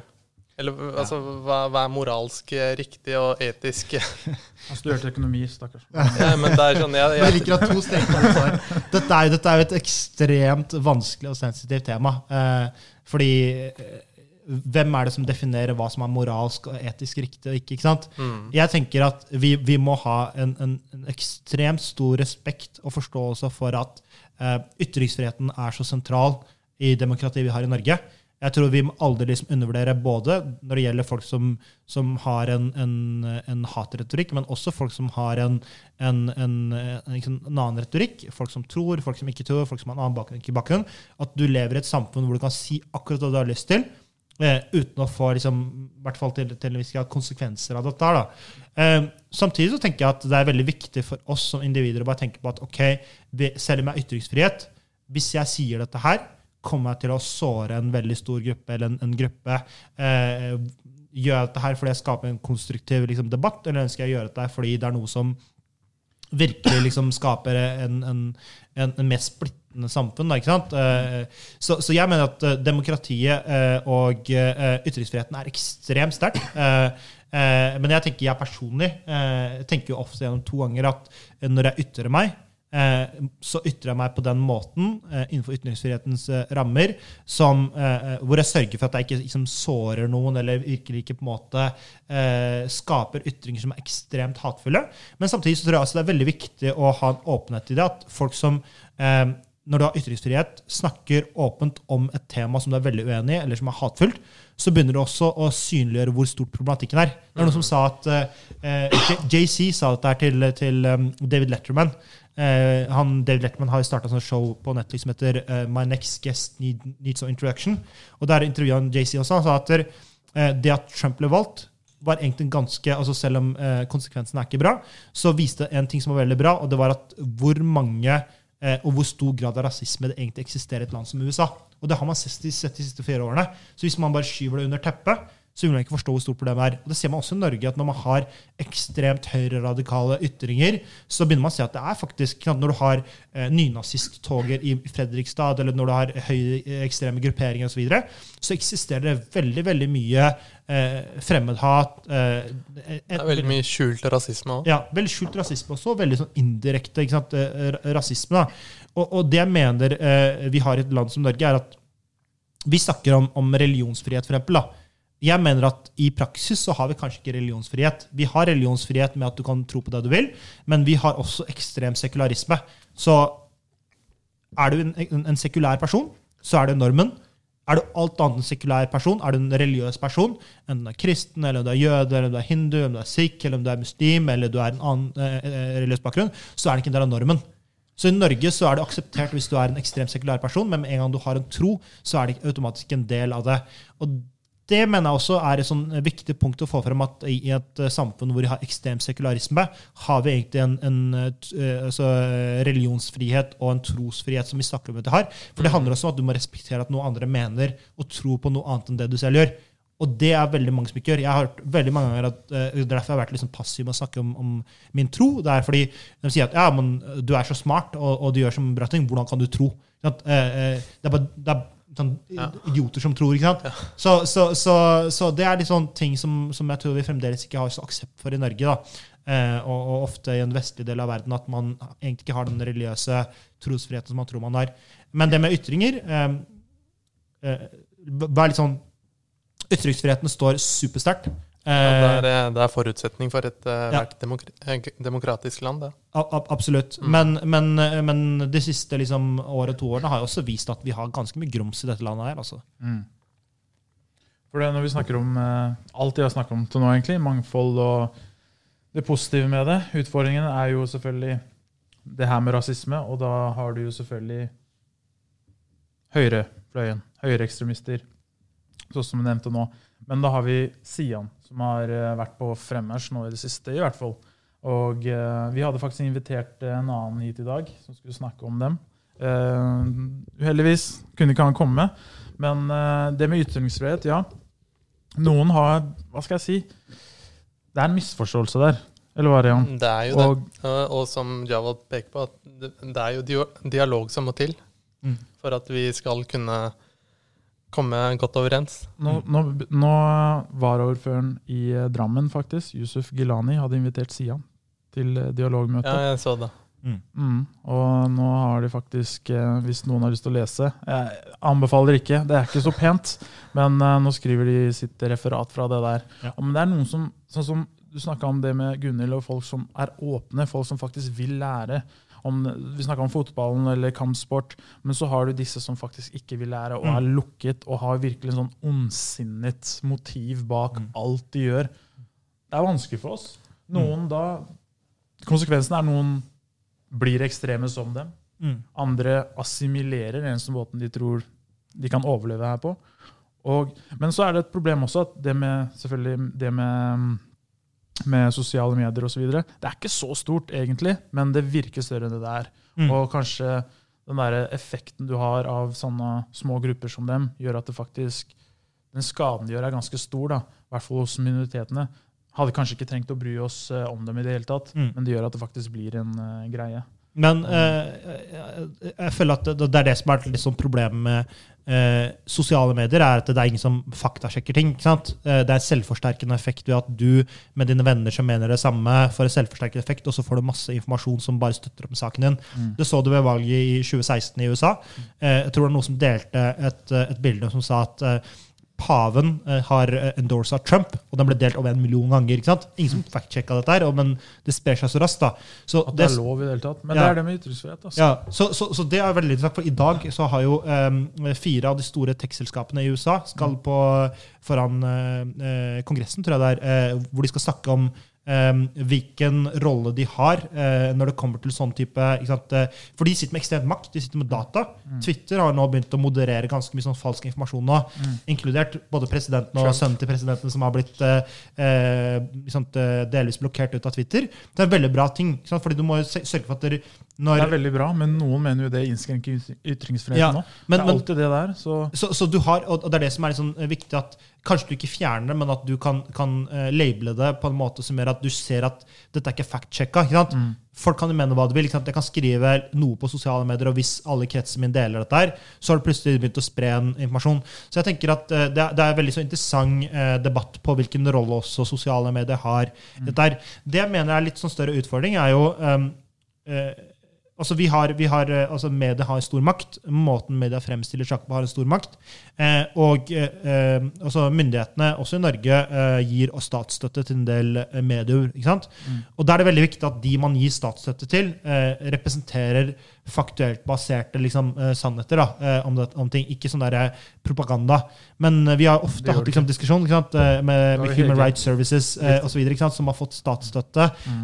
og hvis du leser artiklene, så er jo det en, en helt ekstrem sant, mm. propagandaretorikk som er veldig sånn, sånn anti-islamsk. Mm. Og, og, det er sånne type ting som egentlig har en, en tilhengerskare som er veldig veldig vanskelig å overbevise, som egentlig bare vil lyst til å lese det. Får en selvforsterkende effekt også gjør dette her. Men, uh, Men jeg føler folk har sovet litt òg. Du har mm. liksom ikke de som har uh, å si, kommet med reaksjoner, ordentlige reaksjoner. Du har de som er lik dem, bare på den andre siden. Du har mm. ekstreme muslimer som ja. da samler seg, og da kommer med angrep tilbake igjen. Og det, gjør, det forverrer bare hele situasjonen. Ja. Du har ikke faktisk den, overrepresenterte eh, holdt jeg på å si, eh, Du har ikke mesteparten, flesteparten av muslimene som faktisk har jobb. Folk som er som Jawad, folk som er som deg, Rehan. Du har ikke deres stemmer inn i bildet her. Det er ikke interessant.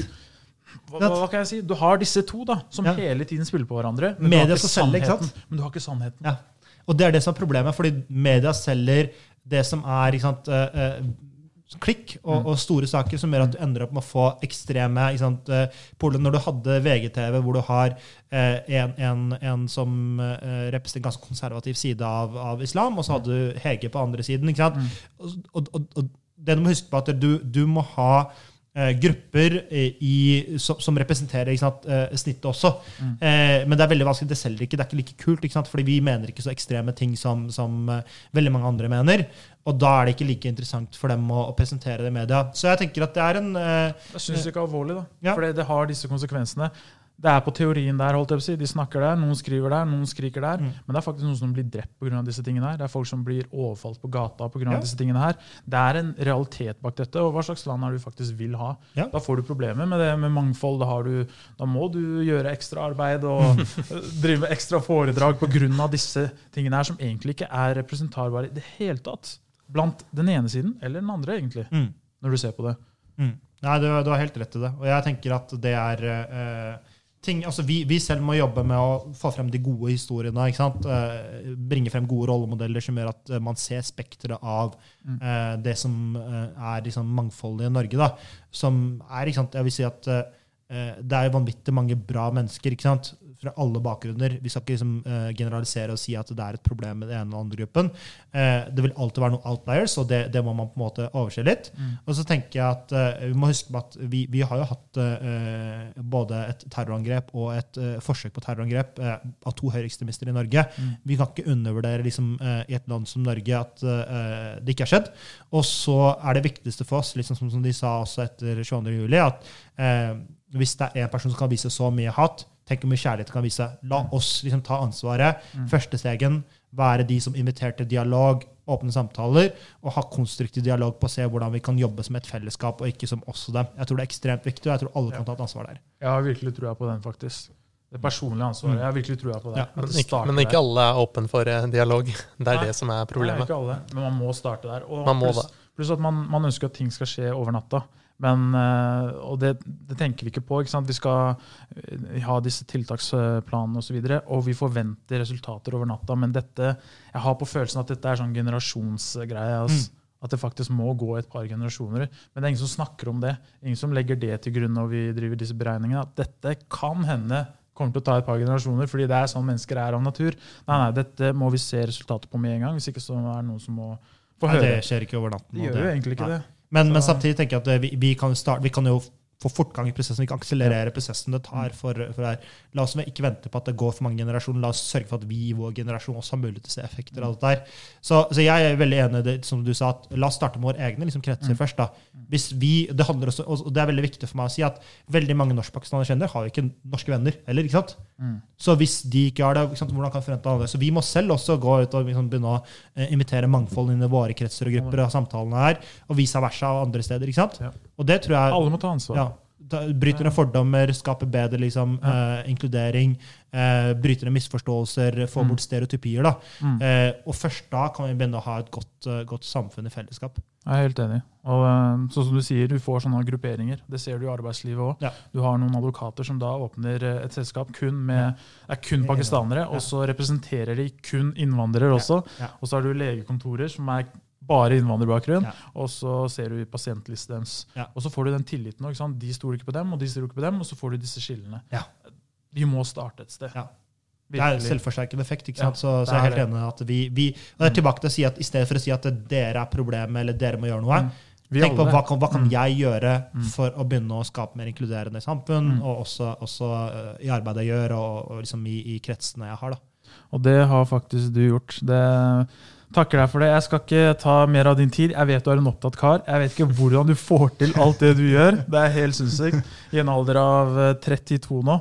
31, Så- eh, gi meg et par måneder til. 31. Så nei, men jeg er virkelig imponert av deg. Takk. Og jeg regner med at du får ganske mye betalt for å drive med foredrag. Og du var kul nok til å komme hit på ganske kort varsel. Det eneste du fikk, var to eh, energidrikker. Så Ja, men det, det, for, for meg er, jeg, jeg, det, det faktisk skal sant sies at jeg holder 90-95 av foredragene gratis. du gjør det. Ja, litt fordi jeg vet at jeg mener at eh, det viktigste for meg er ikke å få betalt, det viktigste Mm. for meg er å få ut budskapet. eh, og, og liksom være der for de unge menneskene som trenger å få høre en stemme. Mm. Eh, så, så foredrag har aldri vært liksom en inntektskilde for meg. Jeg er veldig bevisst på at jeg vet at eh, selv om jeg er opptatt kar, så er det veldig viktig ansvar jeg har på å Mm. bruke tiden jeg har for å snakke med mennesker. Og, og penger skal ikke være et problem eh, for å få tilgang til, til mennesker. Så noen som, eh, hvem som helst som ønsker å ta kontakt og, og ta en prat, eh, reach out. Yep. Jeg legger eh, inn eh, Beklager begynnelsen, folkens. Jeg slakta den der introduksjonen. Jeg skal, jeg skal få skrevet det ned og uh, lagt ut når episoden kommer ut. Så tusen takk, Javan. Og Rehan, om du har noen avsluttende ord, eller skal vi bare avslutte der? Jeg tror vi bare skal avslutte. Ja. Perfect. Ok, det var det for denne episoden. Ha det fint, folkens.